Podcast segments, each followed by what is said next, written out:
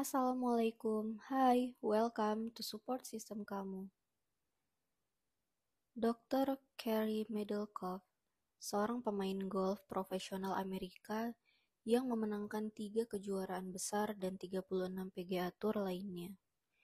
Ia mengatakan, ada suatu perasaan yang memberikan saya bayangan untuk mendapatkan pialanya dengan sangat jelas seolah-olah sudah ditato di dalam otak saya. Ketika pertama kali saya membaca buku Napoleon Hill dengan judul Think and Grow Rich, di situ saya mulai berpikir, apa iya cuman berpikir akan membuat saya tumbuh menjadi kaya? Berpikir yang seperti apa? Setelah saya membaca bukunya yang udah lebih dari tiga kali karena memang isinya yang aplikatif sekali, menjadi pengingat ketika saya mulai jenuh dalam proses. Jelas, kita semua tahu bahwa berpikir adalah tugas otak kita. Let's talk about our brain first. Otak kita adalah sistem saraf pusat terbesar yang mengendalikan gerak sadar dan tidak sadar di dalam tubuh manusia. Terutama yang paling unik adalah materi abu-abu atau korteks cerebral, lapisan tipis sekitar 1-5 mm yang membungkus bagian otak besar. Lapisan ini memiliki area permukaan yang luas. Oleh karena itu, korteks cerebral memiliki berat hampir dari setengah berat otak, yang terdiri dari miliaran sel saraf atau neuron yang mengandung akson atau sambungan kabel yang membentuk sinaps, yaitu hubungan elektris di antara neuron-neuron itu. Well, ketika kita mengingat, berpikir, membayangkan, mempelajari, atau mengalami sesuatu, neuron-neuron ini akan mengeluarkan aliran listrik yang dapat diukur. Pola-pola neuron membentuk rantai di dalam selaput otak. Korteks ini akan semakin berkerut ketika manusia semakin banyak mempelajari hal baru. Tonjolan berkerut atau yang dinamakan giri inilah ciri khas permukaan otak yang membuat kapasitas otak manusia semakin besar. Tentunya, kalau kapasitas otak kita semakin besar, membuat kita lebih banyak menyimpan memori dan juga mempunyai skill yang lebih banyak tentunya. Itu sebabnya memori otak manusia itu tidak terbatas. Manusia selalu bisa menerima dan menyimpan memori-memori baru, sama halnya seperti mencetak tato di kulit manusia. Sekarang, coba deh kamu ingat kembali apa sih kegagalan dan juga sekaligus keberhasilan pertama kamu di dalam hidup? Misalnya nih, mendapatkan nilai terbaik di kelas, menjadi juara dalam perlombaan, atau berhasil memasak dengan enak makanan yang baru aja kamu tahu resepnya. Keberhasilan-keberhasilan ini terlihat kecil yang bahkan kamu sendiri sebenarnya enggan menyebutnya sebagai keberhasilan. Tetapi ini adalah pola-pola sukses yang ketika kamu bisa menghidupkannya kembali akan menciptakan keberhasilan yang baru. Kok bisa gitu? Oke oke.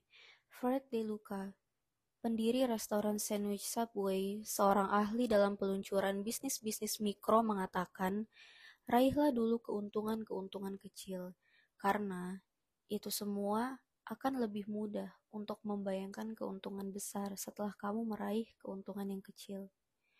Artinya, mungkin saat ini kamu belum mencapai keuntungan standar atau impian di dalam penjualanmu. Mungkin gaji kamu hanya cukup untuk kebutuhan sehari-hari di luar jalan-jalan, membeli barang-barang kebutuhan sekunder, tapi ini adalah pencapaian awal yang harus selalu kamu ingat. Kemenangan-kemenangan kecil ini bisa jadi proses kamu yang saat ini sedang merangkak, lalu kemudian berdiri, dan akan lebih mudah kamu membayangkan bisa berjalan sambil berpegangan, lalu membayangkan mulai berjalan seimbang, lalu berlari. Kemenangan adalah proses. Ciptakan suasana menang di dalam dirimu. Sama halnya dengan kegagalan. Ketika kamu frustasi karena mengalami kegagalan, kerugian, rasa tidak percaya diri karena diremehkan, ketika kamu mengulang-ulang kegagalan ini setiap hari, kamu mengingatnya, kesal dengan kejadian itu, bahkan mengutuknya, maka kamu akan memperoleh kegagalan yang baru, bahkan bisa jadi lebih besar. Jadi, bentuklah pola-pola kesuksesan dengan cara mengingat semua kesuksesan-kesuksesan, keberhasilan-keberhasilan kecil yang pernah kamu raih mulai dari masa kecil. Kamu bayangkan bahwa saat itu kamu bahagia, punya perasaan menang, dan percaya diri kamu meningkat. Dr. Elliot, ketika menjabat sebagai Presiden Harvard, pernah berpidato tentang membangun kebiasaan sukses. Ia mengatakan bahwa banyak para siswa yang gagal di awal masa sekolahnya karena mereka diberikan banyak tugas yang tidak sesuai dengan kemampuannya sehingga kebanyakan dari mereka gagal mengerjakannya dan akhirnya mereka memiliki perasaan gagal. Mereka tidak punya kesempatan untuk memiliki kebiasaan sukses. Akhirnya, Dr. Elliot ini mendesak para dosen agar mengatur tugas-tugas di tingkat dasar agar sesuai dengan kemampuan para mahasiswa.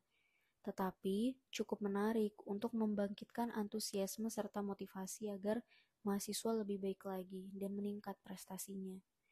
Sukses-sukses kecil inilah, kata Dr. Elliot, yang akan memberikan para siswa perasaan sukses dan akan menjadi bekal berharga di masa depan mereka. Ada lagi satu cerita ketika seorang quarterback terluka, lalu digantikan oleh pemain cadangan, pelatih yang handal mencoba memberinya permainan yang mudah dengan kemungkinan sukses yang tinggi. Walaupun kecil untuk memantapkan irama sukses sebagai pemicu perasaan menang itu. Sama dengan begini contohnya. Perbedaan antara anak yang dibesarkan dalam lingkungan keluarga yang suportif, mengapresiasi setiap kemenangan kecil anak, menghargai setiap tindakan yang dilakukan oleh anak, dan memperbaiki kesalahannya dengan baik. Ini bakal berbeda hasilnya di kemudian hari dengan seorang anak lagi yang tinggal di lingkungan yang acuh terhadapnya, tidak memberikan support, mengabaikan keberhasilan kecil yang dilakukan, misalnya memasukkan piring kotor ke wastafel atau makan sampai habis, memarahi bahkan sampai mencaci ketika anak berbuat salah. Mana yang akan tumbuh menjadi orang yang sukses? Anak pada contoh pertama akan berkembang menjadi seorang yang percaya diri karena kemenangan-kemenangan kecil telah ia raih dan ia mengingatnya hingga dewasa. Tapi anak kedua bisa jadi mungkin menjadi pribadi yang pemarah, inferior, tidak percaya diri, karena kurangnya support system dalam kehidupan masa kecilnya. Well, saya juga tidak dibentuk dari pendidikan keluarga yang sempurna. Ada beberapa hal yang membentuk diri saya menjadi pribadi yang inferior. Tetapi, bukan alasan kita untuk menyalahkan masa lalu karena tidak peduli dari mana kita dilahirkan, tapi kitalah yang memilih mau seperti apa dibesarkan. Nowadays, saat ini kita bisa meraih kebiasaan sukses atau sukses dengan cara membangun di dalam otak kita pola-pola dan perasaan sukses setiap saat. Perbedaannya, kalau dahulu lingkungan sangat mempengaruhi kepercayaan dan tindakan kita, maka sekarang ini saatnya kita sendirilah yang mengingat kembali kemenangan-kemenangan kecil yang pernah kita raih untuk menghasilkan kemenangan yang lebih besar. Oke, kalau kamu masih ragu bahwa perasaan menang itu bisa menjadikan diri kamu sukses, maka aku bakal kasih kamu kisah tentang Les Giblin, pendiri Les Giblin Human Relation Clinics yang terkenal sekaligus penulis How to Have Power and Confidence in Dealing with People. Nah, di bab pertamanya, dia mengatakan bagaimana imajinasi yang ditunjang oleh perasaan menang telah bekerja ajaib dalam karirnya sendiri. Dia bercerita, suatu malam, saya sedang berbaring di tempat tidur merenungkan hasrat saya yang besar itu. Satu-satunya pengalaman saya sebagai pembicara publik adalah berpidato di hadapan kelompok-kelompok kecil pramuniaga saya sendiri dalam rapat-rapat penjualan, dan pengalaman kecil di angkatan bersenjata ketika saya menjadi pendidik paruh waktu. Bayangan berdiri di hadapan hadirin yang besar jumlahnya saja sudah membuat saya ketakutan. Pokoknya, saya tidak bisa membayangkan diri saya sukses melakukannya. Tetapi, saya bisa berbicara kepada pramuniaga saya sendiri dengan leluasa. Saya juga bisa berbicara kepada para prajurit tanpa masalah.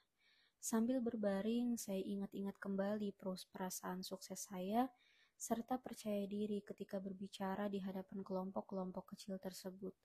Saya ingat semua detail yang menyertai perasaan tenang tersebut.